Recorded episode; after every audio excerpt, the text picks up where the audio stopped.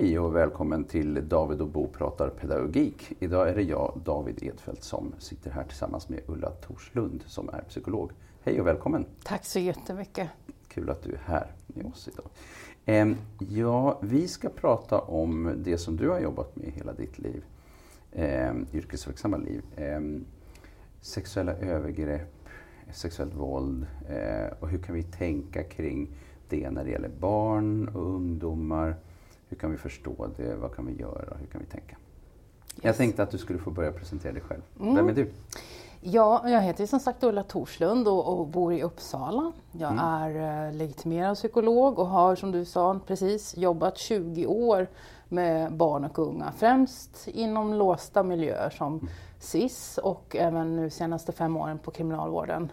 Och då också med ungdomar. Ung är man i kriminalvården när man är 18 till 21. Men de mm. flesta ungdomar jag jobbar med är i tonåren, 15-16 år. Eh, men jag har också jobbat nere på en klinik nere i Skåne med riktigt små barn. Mm. Som har då sexuellt gränsöverskridande beteende. Jag har huvudsakligen jobbat med ungdomar som utsätter andra för mm. sexuella övergrepp. Men många har ju också, en tredjedel brukar man säga, har ju en egen utsatthet mm. i botten. Eh, och det är där det liksom börjar, att man blir prematurt sexualiserad som vi säger och börjar uppvisa vuxen, vuxen sexualitet, den, den typen av beteenden, för tidigt helt mm. enkelt. Mm. För barn vet ju inte så mycket om sex. Och i och med att jag har jobbat med problemskapande beteenden, jag är ju med i det här lågaffektiva nätverket mm, psykologer, eh, så handlar det väldigt mycket om att kunna, som du sa, förstå beteendet bakom och försöka hantera och hitta alternativ. Mm. Så på min tid på SIS så gjorde jag, var jag utredningspsykolog och då gjorde vi neuropsykiatriska utredningar och hade frågeställningar kring ADHD, autism. Och så gjorde vi riskbedömningar för att bedöma risken för återfall i antingen våld eller sexuellt våld. Mm. Och sen har jag eh, dessutom jobbat på behandlingsavdelning med det som vi kallar för övergreppsspecifik behandling. Det handlar om att hjälpa ungdomar att utveckla återfallsförebyggande strategier för att kunna hantera sin sexualitet så att de inte återfaller. Mm. Eh, men nu efter 20 år då, i klinisk verksamhet så har jag blivit egen företagare. Mm.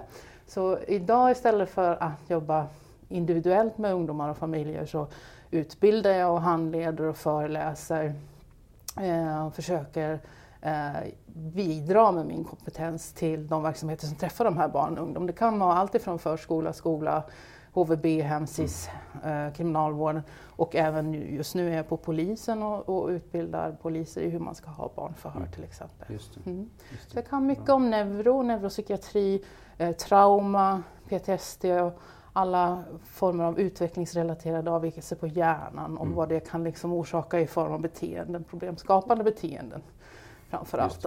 Mm. PTSD är ju då posttraumatisk stresssyndrom. Ja. ja. precis. Eh, bra. Eh, jag tänkte att vi kunde börja eh, i den här änden eh, kring förståelsen eh, och, och, kanske också ganska tidigt. Hur kan vi förstå när barn så att säga har ett översexualiserat beteende, kanske typ redan i förskolan? Mm. Hur ska vi tänka kring det? Mm, det är en jätteklurig fråga. Jag blir uppringd nästan varje vecka av mm. förskolor mm. som ringer och frågar om ja, nu har Kalle gjort så här mot Lisa, är det mm. normalt eller ja. inte? Och det, sorgligt nog så är det så att vi, varken psykologer eller socionomer eller förskolepersonal, vi får inte så mycket kunskap om detta på utbildningen. Mm. Vi vet inte oftast vad skillnaden mellan normal sexuell utveckling hos barn är och sen framförallt avvikande. Och sen om vi då vet att det är avvikande, vad ska vi göra? Mm. mm. Så mycket av, av, av, mitt eh, arbete nu går ut på att försöka utbilda förskolepersonal i hur man då kan uppmärksamma eh, övergreppsbeteende tidigt.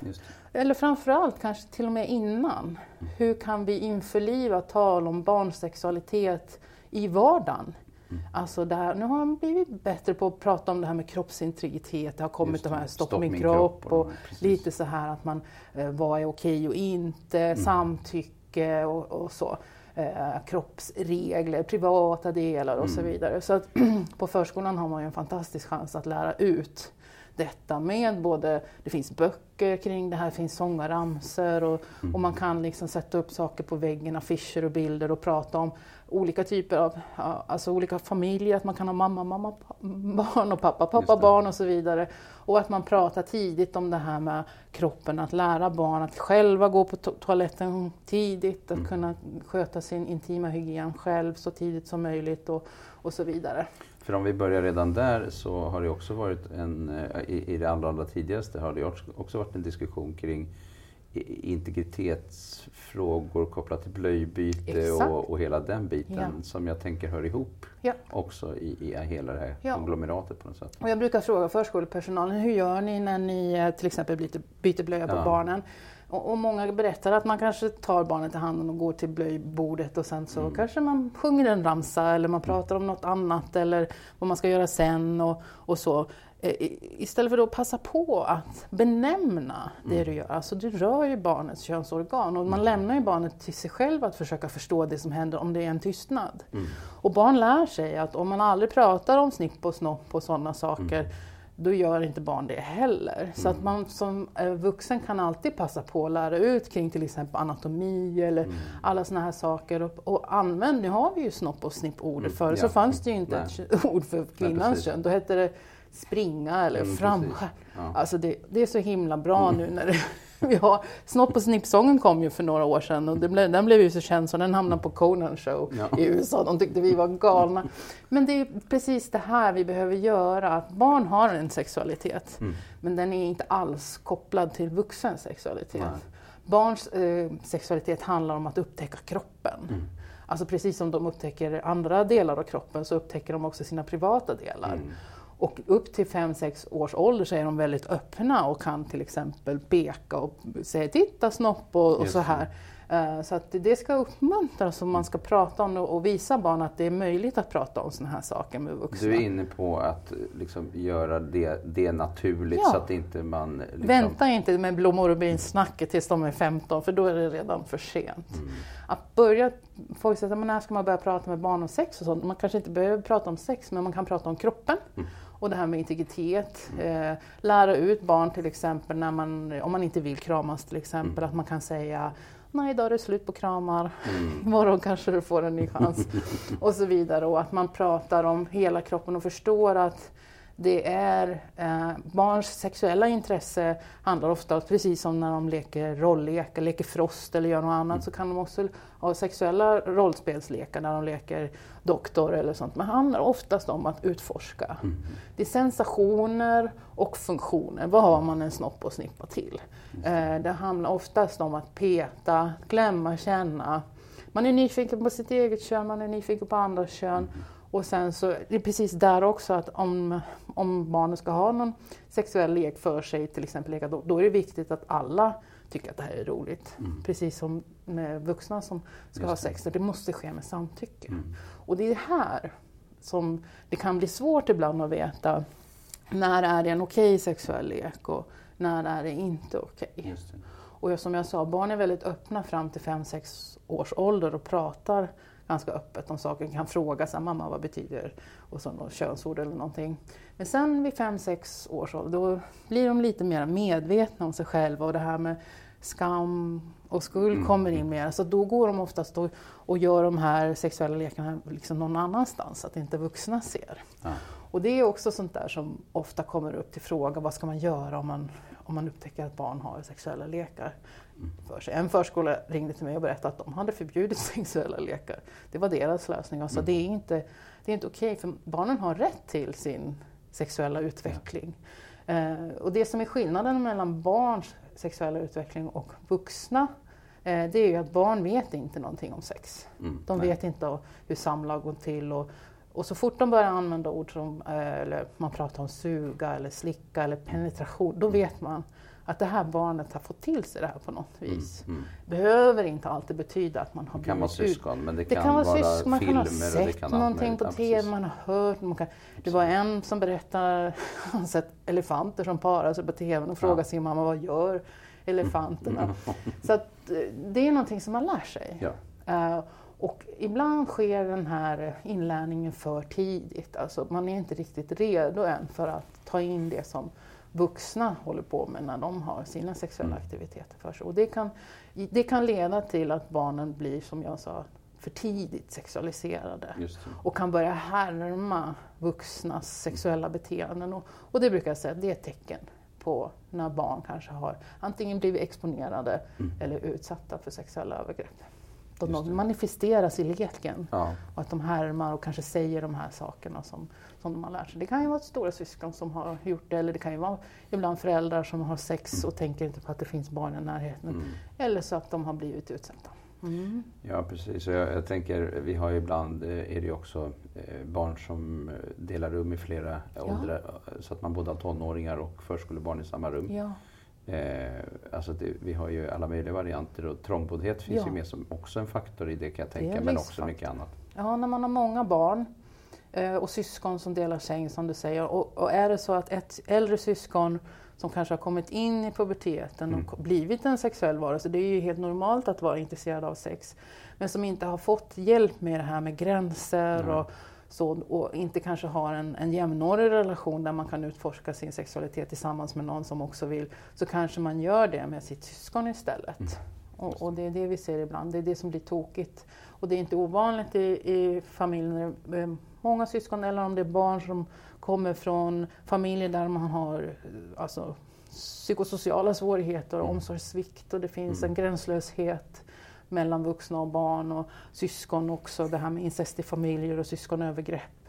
Ibland är det liksom en längtan efter närhet, intimitet och, och där har inte barnen heller fått lära sig skilja på sexualitet och intimitet. Nej. Eller så kan det vara barn som kanske har eh, sociala svårigheter, det kan ju handla om autism eller liknande, att man har svårt med kompisrelationer.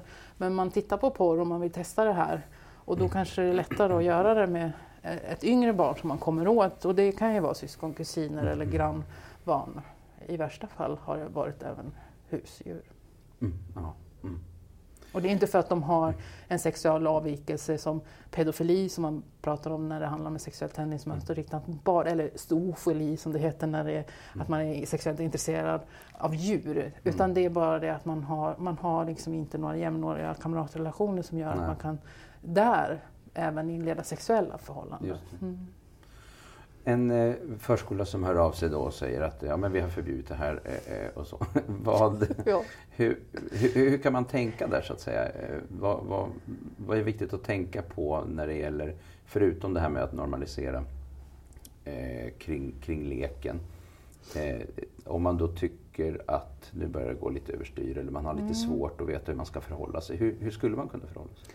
Ja, jag tänker att, att det är viktigt att på förskolan alltid ha samtal. Eh, jag brukar säga att redan på hemsidan tycker jag att det kan vara bra att man informerar eh, omgivningen om att på den här förskolan så är, har, vi även barnsexualitet som är ett liksom, område som vi jobbar med.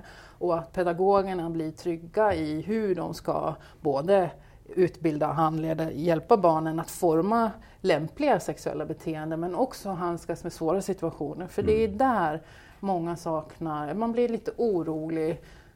Ringer till mig kanske och säger så här, Ulla vad ska vi göra? Nu har, Kalle har petat en pinne i Lisas rumpa, vad ska vi mm. göra? Ja. Och då brukar jag säga, men vad gör, om Kalle slår med pinnen i huvudet på Lisa, vad gör ni då? Mm. Ja men då säger vi till. Ja. ja, okay. Men så fort det handlar om sexualitet och man har ju kanske inte någon referens till det mer än sin egen sexualitet och den kan man ju inte använda sig av som pedagog. Så att därför så tänker jag att det är så viktigt att man får stöd i att uh, det är okej okay att säga till barn när de, de gör saker som inte är okej okay mot varandra. Att det är ett perfekt tillfälle också att lära ut vad som är okej okay. mm. Att man kan prata om det här med hur det blir för, alltså vänta på sin tur, visa hänsyn, perspektivtagande. Att, att det är viktigt att alla är med så att säga. Och att man har också rutiner eh, för vad som händer när det faktiskt är övergreppsbeteenden som sker. Eh, att man har eh, åtgärdsprogram så att man vet att ja, men vi måste göra en orosanmälan till socialtjänsten. Till exempel om man misstänker att ett barn har blivit sexuellt utsatt mm. och kanske utsätter andra i sin tur. Då behöver man ju uppmärksamma det. Och, och förskolechefen gör då en orosanmälan och även yngre barn behöver ju bemötas i det här beroende på, för det kan ju vara väldigt olika. En del tycker inte att det är så farligt det de har varit med om, men en del kan bli mer eller mindre traumatiserade. Mm. Det ska man veta. Det är många som minimerar barns alltså övergreppsbeteenden bland barn, för man förminskar det till sexuella lekar. Men det kan vara lika allvarligt för ett barn att bli utsatt av en jämnårig kamrat som om det hade varit en vuxen. Så att, eh, mer kunskap och stöd hur man ska bemöta, i vilka situationer man ska göra vad. När säger vi till och hur ska vi göra då om barnen håller på och, och, vi blir stressade? För det är oftast vi vuxna som blir stressade när barn håller på och vi vet inte vad vi ska göra med oss själva. Nej.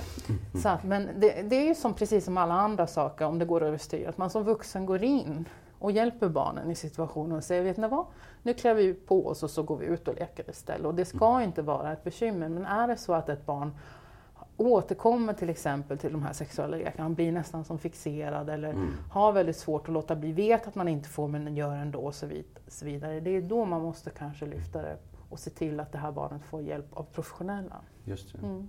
eh, hur ser kopplingen ut? Har du någon bild av det, hur kopplingen ser ut när det gäller den här typen av sexuell, eller översexualitet beteende och neuropsykiatriska funktionsnedsättningar, autism, ADHD eh, och så vidare. Ehm, ser vi mer av det inom den gruppen? Ja. Eller? Ja.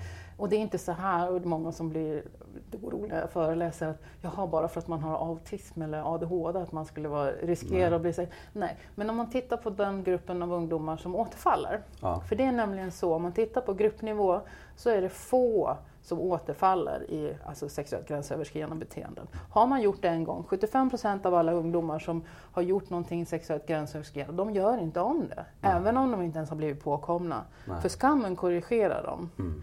Men sen är det några som, trots att de blir påkomna, ja. trots att man förmanar dem och säger ajabajs, här får man inte göra, trots att man försöker erbjuda alternativ, um, så återfaller de. Och det är en väldigt, väldigt liten klick mm. eh, ungdom, bara ungdomar. Man brukar säga att 12 till 14 procent återfaller utan insatser.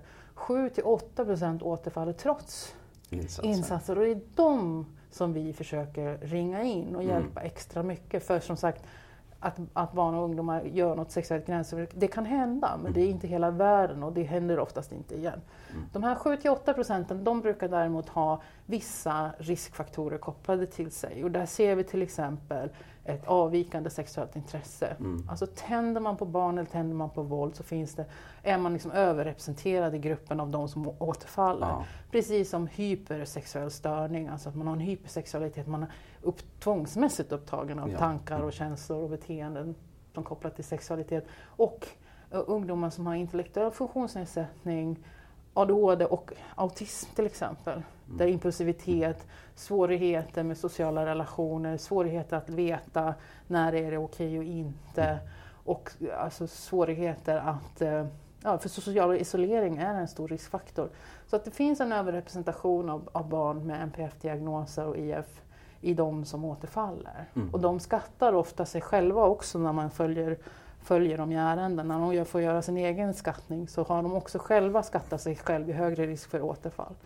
Ja, så det är väldigt så det intressant. finns med i de här formulären en ja. sån eh, del så att säga som handlar ja. om självmedvetenhet kanske? Ja, och i riskbedömningarna så har jag i min mall nästan alltid som en stående punkt att de barnen inte är utredda eh, neuropsykiatriskt, då, då, då, rekommenderar jag det. För mm. att det är så pass, professor Gillberg har sagt det i Göteborg, att det här borde vi alltid göra mm. och screena mm. för neuropsykiatri när det mm. gäller de här barnen. Och då ska vi vara tydliga med att omvänt behöver det inte vara Nej. så att har man någon diagnos Nej. så är det en ökad... Nej, då skulle vi ha ett stort problem i hela samhället. då skulle vi vara sexualförövare var och en av oss. Det är fortfarande så att just den här gruppen är en väldigt liten grupp ja. som har ett återkommande ja. överfall. Precis. Och det, det, är lite så med, med barn överlag. Jag tänker att man måste lära barn, även barn som har som har språkstörningar eller som har olika svårigheter av, äh, sårbarheter av olika slag, de är mm. också sexuella, de går också in i puberteten mm. och de vill också göra det här som de kanske har sett eller hört talas om. Så att man måste ha sex och samlevnadsundervisning anpassad på en sån nivå så att de kan ta det till sig. Just det. Jätteviktigt. Man glömmer ibland bort det bland barn som har diagnoser. Och nu har vi fått eh, nya eh, riktlinjer här framöver på lärarutbildningarna så ja. ska det in. Eh, vad tänker du om det?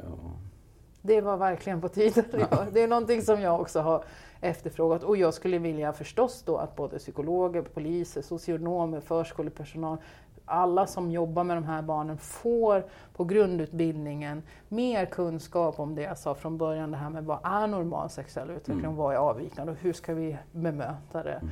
För socialtjänsten får de här ärendena ibland och de vet inte vad de ska göra, de vet inte vad en riskbedömning är. Förskolepersonalen. Det är lättare nästan ibland att blunda för och förminska det för då skjuter man ansvaret ifrån sig för att det här är för svårt. Mm. Och när jag frågar vad har ni gjort? Nej, vi har inte gjort någonting för att vi vet inte vad vi ska göra. Vi har inte kompetensen. Det är en sån här mm. ganska vanlig liksom, bortförklaring. Vi har inte kompetensen, vi har aldrig haft det här förut. Och man kanske är rädd att göra fel. Man är eller? rädd för att göra fel, man är rädd för föräldrar som ska bli arga, man mm. är rädd och ibland att säga till barn för man tror att man ska liksom, hämma deras sexuella utveckling mm. och, man, och man vill inte skamma barnen och så vidare. Nej. Så det är någonting med det här som har med sexualitet att göra som gör det lite extra svårt jämfört Det är också med någonting då med, jag tänker på det här med stopp min kropp och alltihop, alltså någonting med att på något sätt förmedla någon slags kunskap till barnen också ja. om det här med att vara varsam om den andra på något ja. sätt.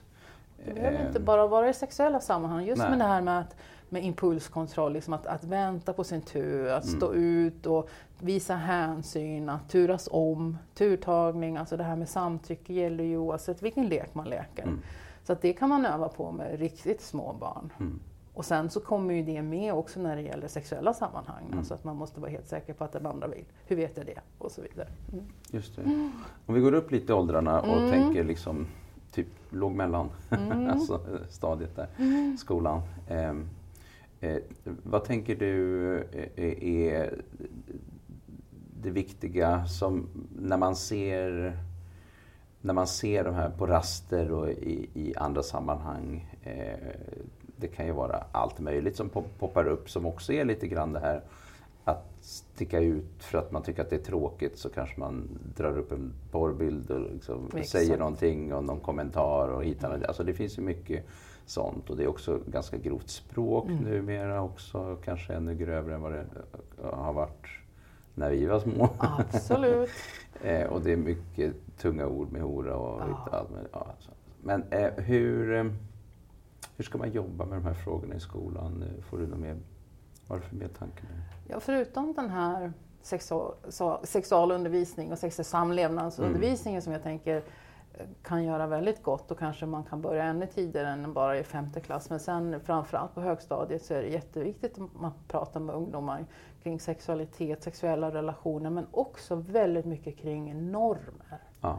Normer och liksom attityder som, som stödjer våld eller sexuellt våld mot kvinnor. Jag är med i den här expertgruppen som finns för ungarelationer.se som handlar just om att att tidigt upptäcka våld i nära relation även bland unga. För när man frågar ungdomar så kanske man tänker på våld i hemmet men de har ju också parrelationer. För i ja. högstadiet så börjar man ju faktiskt Precis. från att ha haft det här med tjej och killbacil och sprungit ifrån varandra och så sitter de helt plötsligt nästan slingrande i varandra och, och tungarna nere i halsen. Och då är det så himla viktigt att, att äh, fånga upp de här attityderna.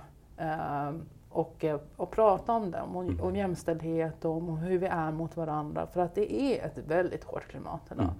Och många ungdomar eh, tror att det ska vara på ett visst Jag pratar med både pojkar och flickor och ibland så går de in som i, i roller för att det tro, de tror att det förväntas av dem. Det är egentligen ingen som vill att man hetsar varandra, till exempel att ha tidig sex, alltså debutera mm. tidigt i, i sex, man ska kunna skryta för kompisarna, man kanske skickar sådana här bilder. Jag föreläste i Göteborg för 800 skolelever. Ingen visste att dickpics, alltså så här, man mm. skickar bilder på sitt kön, att det skulle vara olagligt om man gör det om man, om man, inte har samtycke. Mm, mm.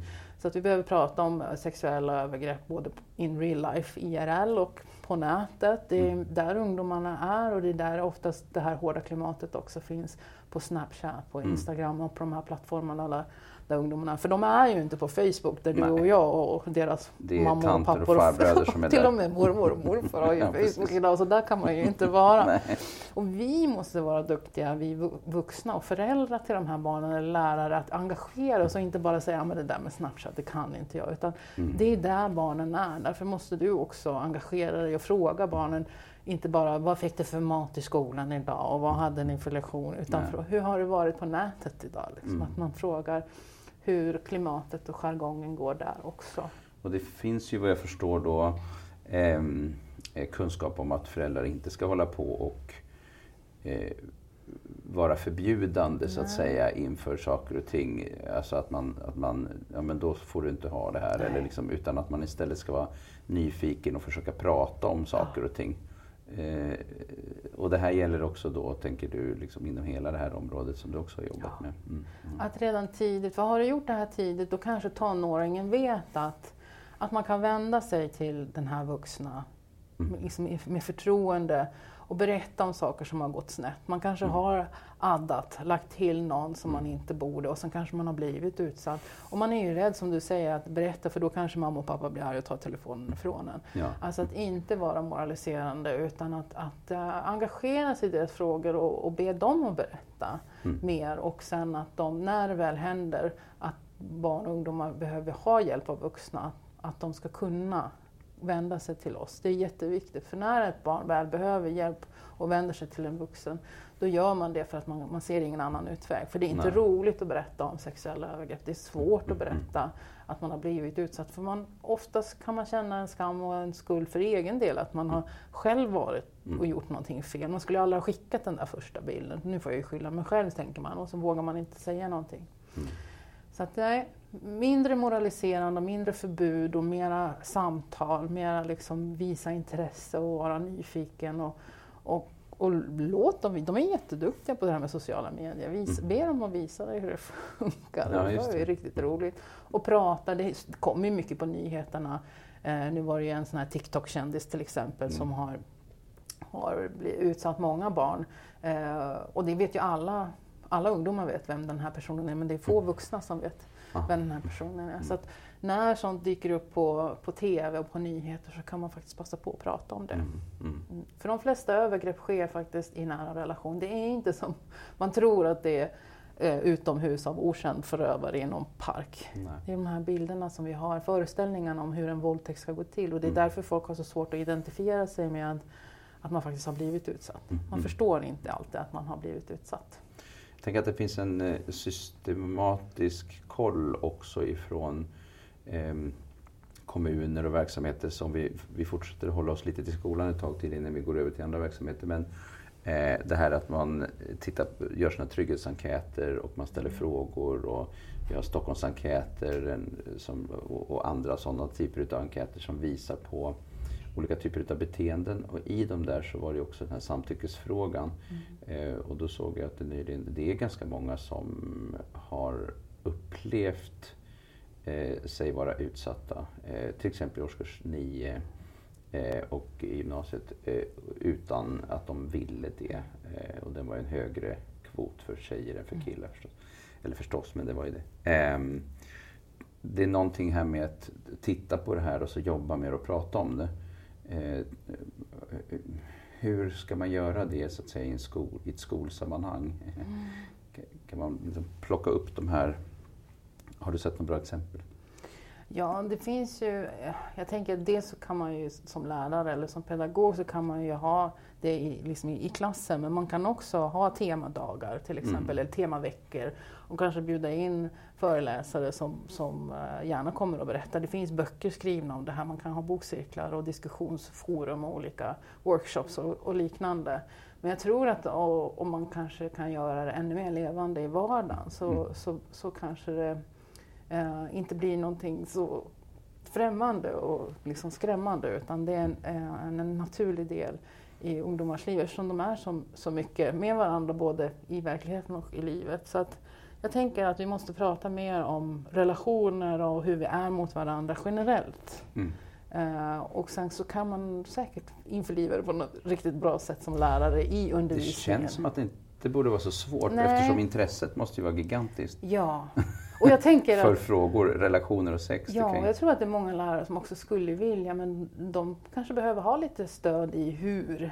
Mm. Och då kanske man kan be om att få handledning eller någon liten utbildningsinsats eller hur ska vi göra med det här och, och förslag på hur man kan införliva det i, i skolan, i vardagen. Både liksom i, i själva klassrummen framförallt på skolgård och det som händer i korridorerna för mm. det är också mycket där mm. saker och ting går snett. Så eh, en levande diskussion eh, och, att man kan göra det på många olika sätt. Eh, så. Ehm, jag tänker att ehm, du har också jobbat med personer, familjer och barn, ungdomar där, där man har hamnat riktigt snett, om man säger så. Eh, fängelser, slutna enheter, slutna anstalter. Eh, personalen som jobbar där, vad är viktigt att, att de förstår eller kan mm. kring de här sakerna? Det är ju ett ganska stort område förstås. Det är också skillnad på LSS-boende och en SIS-verksamhet mm. liksom, i någon bemärkelse. Även ja. om vi vet att det finns mycket neuropsykiatri på SIS.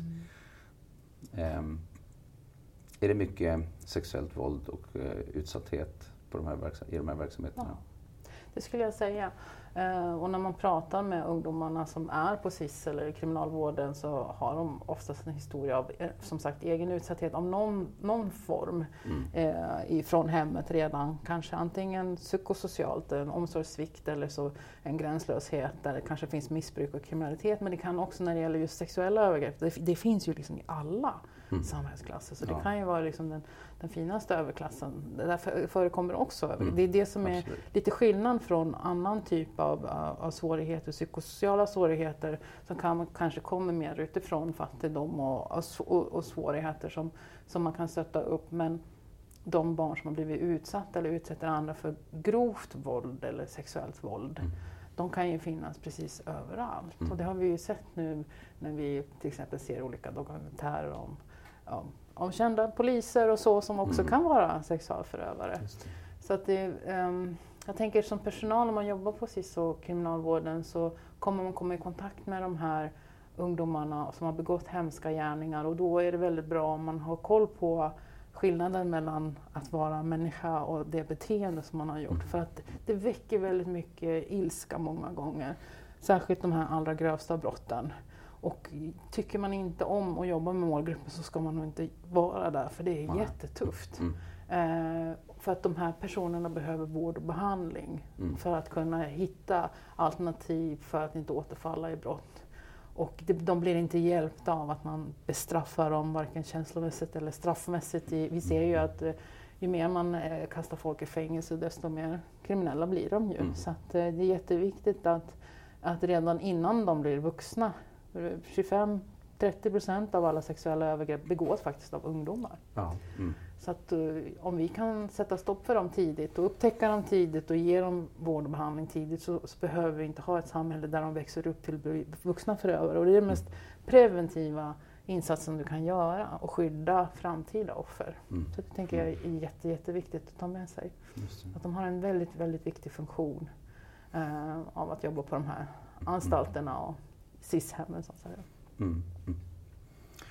Um, Socialstyrelsen har ju eh, tydliggjort att eh, det inte är okej okay att använda sig av det som man kallar konsekvenspedagogik inom till exempel LSS eh, och den typen av verksamheter. Inom skolan har man inte satt ner foten på det sättet. Det finns mycket konsekvenspedagogik där. Mm. Men jag har uppfattat att det finns en hel del i de här andra verksamheterna också.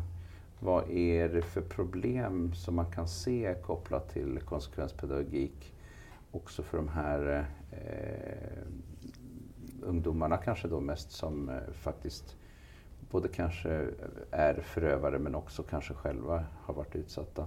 Vad finns det för problem kopplat till, mm. till den hållningen? Kan du säga någonting om vad konsekvenspedagogik kan handla om för den som inte känner till Ja, ofta så när man kommer till exempel till eh, HVB-hem eller SIS-hem så kan det ju vara så att man kommer in akut och sen eh, kan det ju vara behjälpligt för de ungdomarna att hamna i en struktur och det finns eh, omsorgsgivande vuxna som erbjuder stöd och behandling. Det är jättefint. Men mm. i vissa fall så har man då införlivat det här med ja, teckenekonomi eller blocksystem av olika slag och då fokuserar man väldigt mycket på ungdomarnas beteende. Mm. Och då tappar man det här uppdraget som var egentligen vård och behandling och så fokuserar man på att få dem att liksom, det blir nästan som uppfostringsanstalter, att de ska lära sig att lyda och göra mm. rätt. Eh, önskvärt och, och, det kan bli jättetokiga saker. Jag hörde förra veckan en pojke som inte fick åka hem på permission på helgen för att han hade försovit sig tio minuter på en tisdag. Och jag vet, jag har inte sett någon forskning på att återfallsrisken skulle öka för att, att, man, håller, liksom, att man försover sig eller inte. Så att det blir lite galet ibland. Och det, de här ungdomarna har oftast en väldigt bristande tillit till vuxna, för deras mm. erfarenhet av vuxenvärlden har oftast varit dålig. Och därför är det så viktigt när man jobbar på de här ställena att man jobbar med relation och försöker skapa relation till de här ungdomarna och göra dem delaktiga i, i sin behandling för att liksom hitta lösningar tillsammans snarare än att, att vi skriver dem på näsan och säger att nu, nu ska Kalle, han ska göra det här och här och här och här innan han får åka hem. Och det är den typen av trappan och stegen och allt som brukar finnas på det här. Att individen får för mycket ansvar. De har ju så stora svårigheter. Mm. De kommer ju liksom med både neuropsykiatri, psykiatri och sen omsorgssvikt och liknande. Och sen ska de klara av alla de här stegen eh, och det blir nästan omöjligt. Och jag skulle säga att en del ungdomar som har NPF, de är, har ju mycket behov av stöd ändå. Liksom. Att lämna dem själva att klara av den här situationen är, det, det är dömt att misslyckas. Och då, då blir det ju, som konsekvens blir att deras självbild som redan är ganska så skavd, den blir ännu mer förstärkt i att ja, men jag är hopplös. Liksom. Det, det, kommer aldrig, jag kan lika gärna bli kriminell för det kommer aldrig bli någonting mm, mm. av mig. Och tittar man på de ungdomar som kanske har mer antisocialitet istället för neuropsykiatri, de blir direkt farliga av den här typen av konsekvenspedagogik. För de lär sig hur systemet funkar. Mm. Och de ser till, och många som har sagt till mig också så att ja, ja, jag ska bara försöka ta mig härifrån så fort som möjligt. Det har de fattat, att mm. hur de ska göra för att komma. Men de har bara blivit ytanpassade. Det är mm. ingen förändring som har skett Nej. inuti. Så att jag brukar, när jag föreläser brukar jag ta den här teori Y och teori X. Där mm. handlar om vilken syn har man på mänskligt beteende. Är det så att människan i botten är lat och behöver styras med yttre medel och motivation för att liksom åstadkomma förändring? Eller är det så att vi i botten är nyfikna och drivna och faktiskt under rätt förutsättningar tar ansvar. Men vi sätter oftast upp kravnivån för högt på de här barnen så de mm. ger upp. Det är liksom ingen idé. De försöker inte ens. Nej. Utan de hamnar i den här loopen att det är ingen idé, jag kan lika gärna bli kriminell och, och så skit. Och så skapar man en distans mellan personal och ungdomar så det blir väldigt mycket vi och dem. Och sen så blir det de här farliga situationerna som vi ibland läser om i tidningarna. Mm. Alltså att, att, att, ungdomarna ger sig på personalen, kidnappar dem eller mm. gör rymningsförsök. Och, och så. Och nu börjar man prata om ännu mer stängsel. Idag hörde jag att eh, regeringen hade gett SIS i uppdrag att de ska säkra upp ungdomsanstalterna så de blir som fängelse. Och då måste ju, för att komma ut därifrån, då måste ju ungdomarna ge sig på personalen och ta deras nycklar och larm för att liksom ta sig ut. Så det, blir, det hårdnar och det blir farligare och ungdomarna får inte det, det stödet som de behöver. Mm. För vi, vi tror i alla fall i det här fältet att, att alla vill, eh, lite som Ross Green säger, att individer gör rätt om de kan. Mm. Alltså vi vill i botten lyckas.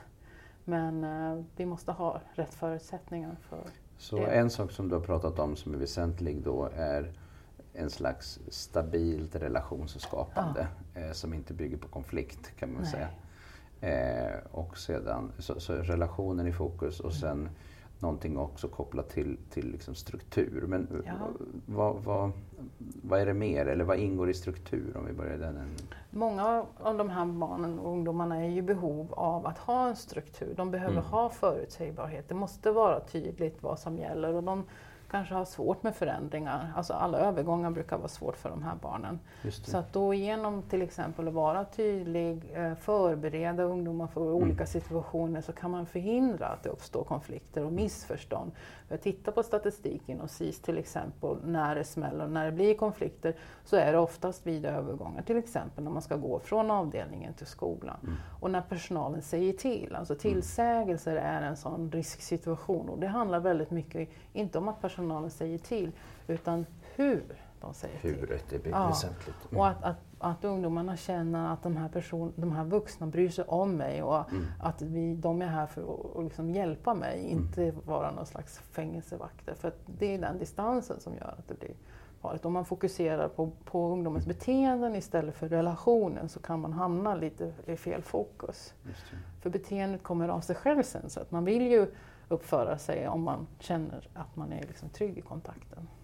Man vill liksom inte sabba för sin kontaktperson som man tycker om eller man, sådär. Så att man värnar om relationen till slut. Men det gäller att stå kvar för de här ungdomarna kommer att göra allt för att få dig att tro att de är så hopplösa som de har blivit beskrivna i papperna. Mm. Så att även om de avviker, även om de uppvisar problemskapande beteende så är det viktigt att fortfarande säga att jag, jag står kvar. Mm. finns här för dig ändå. Mm. För de är ofta vana att ja, när det blir bråk på ett sätt så får man flytta runt. De mm. kanske börjar med kontaktfamilj, sen familjehem, sen HVB-hem och man flyttar runt på olika familjehem och sen HVB, SIS och flyttar runt på olika SIS. Så att de, det. Det, blir, det är en riskfaktor ser vi, många placeringar. Mm. Är det. Så att de behöver verkligen ha någon som tror på dem och som står kvar. Stabila, lyssnande vuxna, mycket struktur. Och att göras eh, delaktig, att man får vara med och bestämma, mm. att det inte är de vuxna som bestämmer över en. Mm. För det är ju så med teckenekonomi också, om du, om du är med på den och eller själv får vara med. Ja, ja precis. Mm. Ja, om du är själv med på det och, och är själv med också och avgör huruvida någonting är gjorts på ett sätt som det ska eller inte. Mm. Då, då är det lättare än om det är någon annan som står och ska bedöma dig. För då blir det en maktobalans. Då är det liksom personalen som säger nej, nej nu har du inte städat tillräckligt här. Mm. Och då blir det den här klyftan igen. Så mera det här CPS, alltså tillsammans, collaborative, att vi tillsammans hittar lösningar. Mm. Att göra dem delaktiga i sin behandling, att själva sätta upp målen och hur vi ska nå dem. Mm. Att göra det som en gemensam plan. Just det. Nu gick vi in på ett ganska mycket bredare perspektiv också än det vi hade från början. Men det är också så att i de här verksamheterna så ser vi den här typen av Eh, liksom problematik, att det finns en multiproblematikbakgrund så att säga och en låg tillit till vuxna mm. kan, eh, som ju påverkar framförallt tänker jag mycket det här att man måste ha väldigt, väldigt mycket tålamod ja. när man jobbar med ja. verksamheterna. Vi går tillbaka till eh, frågan om det här med sexuellt våld och att vara översexualiserad. Eh, du har ju varit involverad i att göra eh, det som man kallar sex, eh, nej, riskbedömningar mm. vid sexuellt överaktivt beteende eller annat. Vad gör man då? En riskbedömning är vad man kallar för en, en strukturerad bedömning så att man man samlar information från olika håll och så sitter man, det finns eh, ett, ett, ett beslutsstöd, alltså en forskningsbaserad manual mm. som man alltså utifrån framförallt Kanada som man har tittat på, vad är det som då är gemensamt för de barn och ungdomar som återfaller? Mm. Finns det någonting vi kan lära oss om den här gruppen som är viktigt att tänka på när vi upptäcker att en, ett, ett, en ungdom har begått ett sexuellt övergrepp? Och då har man hittat då 25 olika riskfaktorer. Mm. Några mera signifikanta, alltså viktigare att ha fokus på. Fem mm. som sticker ut, de behöver man verkligen ha fokus på. Och sen så går man igenom den checklistan och ser hur många av de här riskfaktorerna har den här ungdomen och sen slut, kommer en slutgiltig risknivå som är antingen låg måttlig eller hög mm. risk för återfall. Och är det låg risk för återfall då behöver man inte göra så mycket utan det räcker att ungdomen kanske får ha något samtal kring det här, vad som är okej och inte och mm. hur man efterfrågar samtycke. Men är det måttlig och framförallt om det är hög risk för återfall då behöver man öka skyddet runt mm. ungdomen för då kanske det inte är tillräckligt att, att ungdomen själv ska försöka upprätta sitt skydd utan då behöver mm. omgivningen ta större ansvar och då kanske man behöver vara placerad eh, på ett HVB-hem eller SIS och det kanske inte bara för risknivåns skull, det kan också vara så att, att behovet av att ha mer omfattande insatser och inte bara ha 45 minuter psykologsamtal på BUP utan man behöver beteendeträning i vardagen som jag sa, inte bara kanske i sexuella sammanhang utan att vara tillsammans med andra ungdomar och med personal dygnet runt som är utbildade och som kan hjälpa ungdomarna och vägleda dem i vardagen. Allt ifrån när man sitter och äter frukost tillsammans och hur man ska liksom turas om och städa och allt det här. Plus då att det också kan erbjudas då specifik behandling som vissa av de här HVB-hem och SIS har riktat in sig på övergreppsspecifik behandling. Då utgår man ifrån den här riskbedömningen först.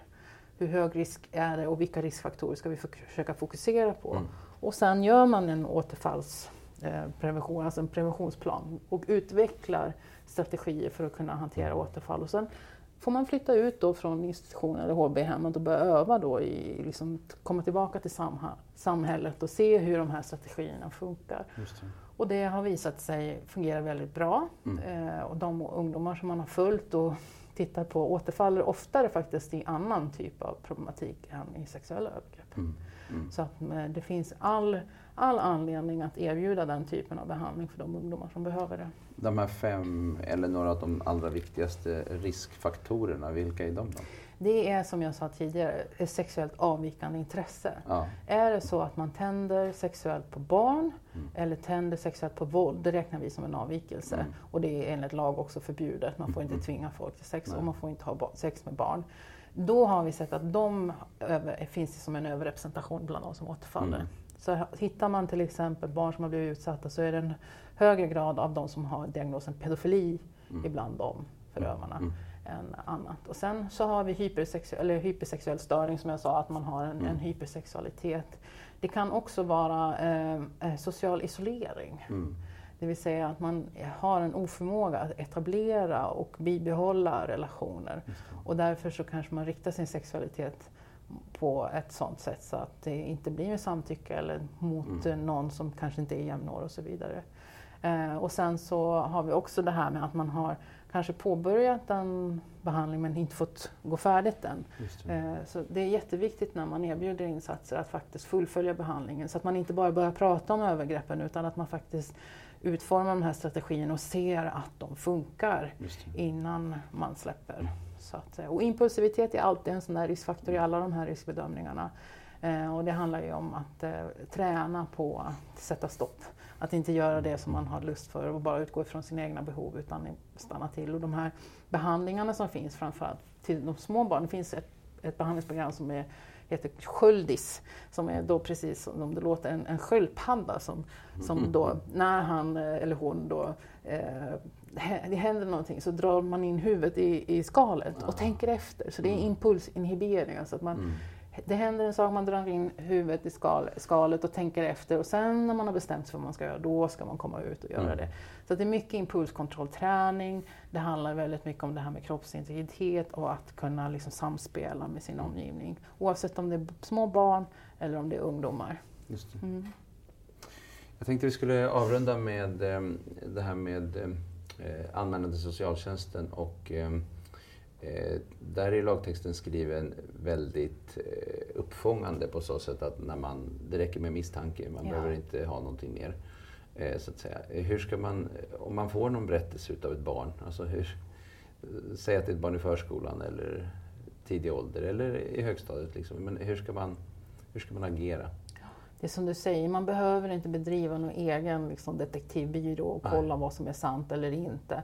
Eh, någonstans så brukar eh, skolan vara mycket bättre på när det är en vuxen person som har gjort någonting tokigt mot en elev. För då polisanmäler man det och den här personen kanske hamnar i häkte och man kanske samlar ihop elevhälsoteamet, man kanske har krismöten och informerar, man kanske har föräldramöten och informerar blir det liksom medialt uppmärksamt så kanske man har pressträff och går ut med ett pressmeddelande och sånt där.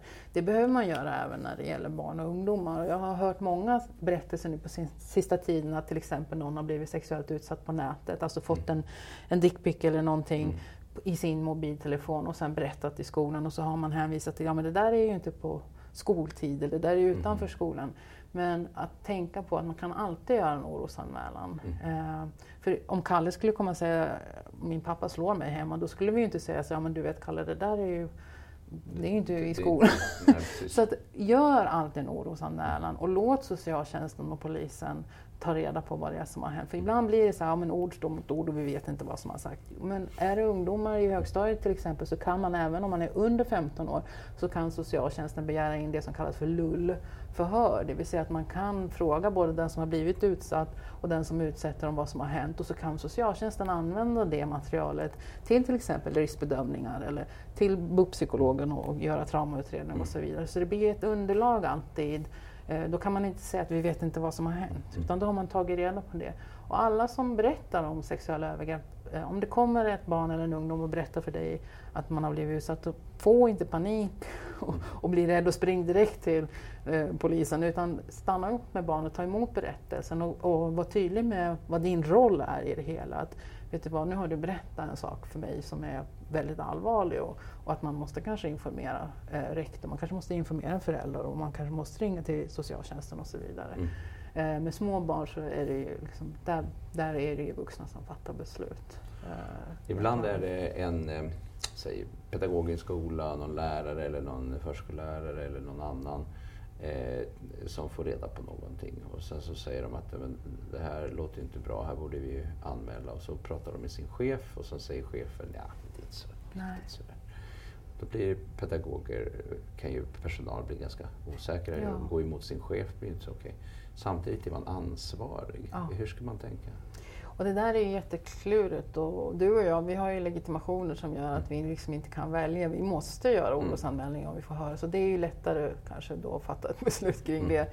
Men om man har möjlighet att göra det men man har liksom ingen skyldighet att göra det, då blir det ju lite klurigt. Och jag har varit med om att man inte har vågat anmäla just för att till exempel att äh, vad ska man säga, förskolan eller skolan kanske är rädd om sitt rykte. Man ja, vill inte att det här ska liksom komma fram och man vill lägga mm. locket på och så vidare. Men eh, jag vet i alla fall pedagoger som har berättat att de har ju sedan gjort det anonymt. Man kan ju göra anonyma anmälningar eh, så att då behöver man inte känna att man har liksom, att det blir konsekvenser för, men man får ändå gå igenom en orosanmälan. För sen är det ju så att när socialtjänsten öppnar en utredning, för det är de ju skyldiga att göra, så kan de ju utreda och säga, är det ingenting så då lägger de ner utredningen utan insatser. Vi har ju det systemet att det är, bättre, vi, det är en skyddslagstiftning helt enkelt, att vi ska se till att barn inte blir utsatta. Och i det så kan det vara så att ibland blir någon felaktigt utpekad och att, mm. Eh, att någon oskyldig har blivit dömd. Det händer. Men det är sällan det händer. Mm. Att det är bättre åt det hållet, att man blir trodd när man har berättat om saker. Det är jätteviktigt för barn att, att bli trodda. För när de väl berättar, som jag sa, det är svårt att berätta om övergrepp. Ta emot deras berättelser och kom överens. Om det är ett äldre barn så kan man berätta vad som kommer att hända. Och att man kan finnas med, att jag kommer inte att lämna dig. Utan jag finns med här i det här oavsett om det är, vi ska till polisen eller vad det nu är. Så det är väldigt viktigt att, att trygga barnen i berättandet. Att det inte är farligt. Nej. Och det är ju alltid möjligt att ringa till socialtjänsten ja. och vara anonym och ja. konsultera. Ska ja. jag göra en anmälan på det här eller inte? Vad Exakt. tänker ni? Och, och, där kan man också ringa både polis och socialtjänst och fråga hur de tänker innan man går mm. till, till eh, liksom, själva anmälningsfasen. Och man får gärna ringa till mig också om det är mm. så att man bara vill bolla och, och fundera. För jag jobbar väldigt mycket konsultativt och hjälper också många gånger socialtjänster och poliser och barnahus och alla de här som jobbar med sexuella övergrepp. Mm. Det är inte lätt alla gånger. Nej, Nej. precis. Verkligen inte. Nej. Det är ett stort, svårt område och, och, jag tänker just det här som du var inne på förut att många vuxna värjer sig lite för det. Det är lite befriande när du säger, men hur hade ni gjort om Kalle hade slagit Lisa i huvudet med pinnen? Ja. Alltså, hur hade ni gjort då? Ja, ja just det. Ja. Men det är lite så här, vi, vi lär barnen att knyta skorna och vi lär dem hur man ska gå över vägen men sen hoppar vi över den här biten. Men jag mm. brukar tänka, det är lite som ja, men, eh, det här med att peta sig i näsan. När gör man det? Det är lite som man kan prata med barn kring mm. sexualitet och onani och vad som är okej och inte. Alltså att vissa saker är okej i vissa sammanhang och vissa inte.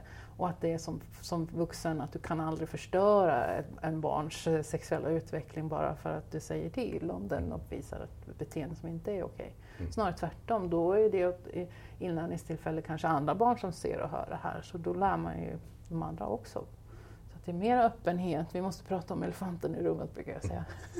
Just ja. Vi har alla en sexualitet, både barn och vuxna. Mm. Och den äh, finns där oavsett om vi väljer att prata om den eller inte. Men det blir lättare att förhålla sig till den. Och det, blir lättare, det främjar en hälsosam sexuell utveckling om man äh, hjälper barnen med de här bitarna också. Mm. Yes. Vi avslutar där. Tack så jättemycket. Ja, tack för att jag fick komma. Tack så hemskt mycket. Mm.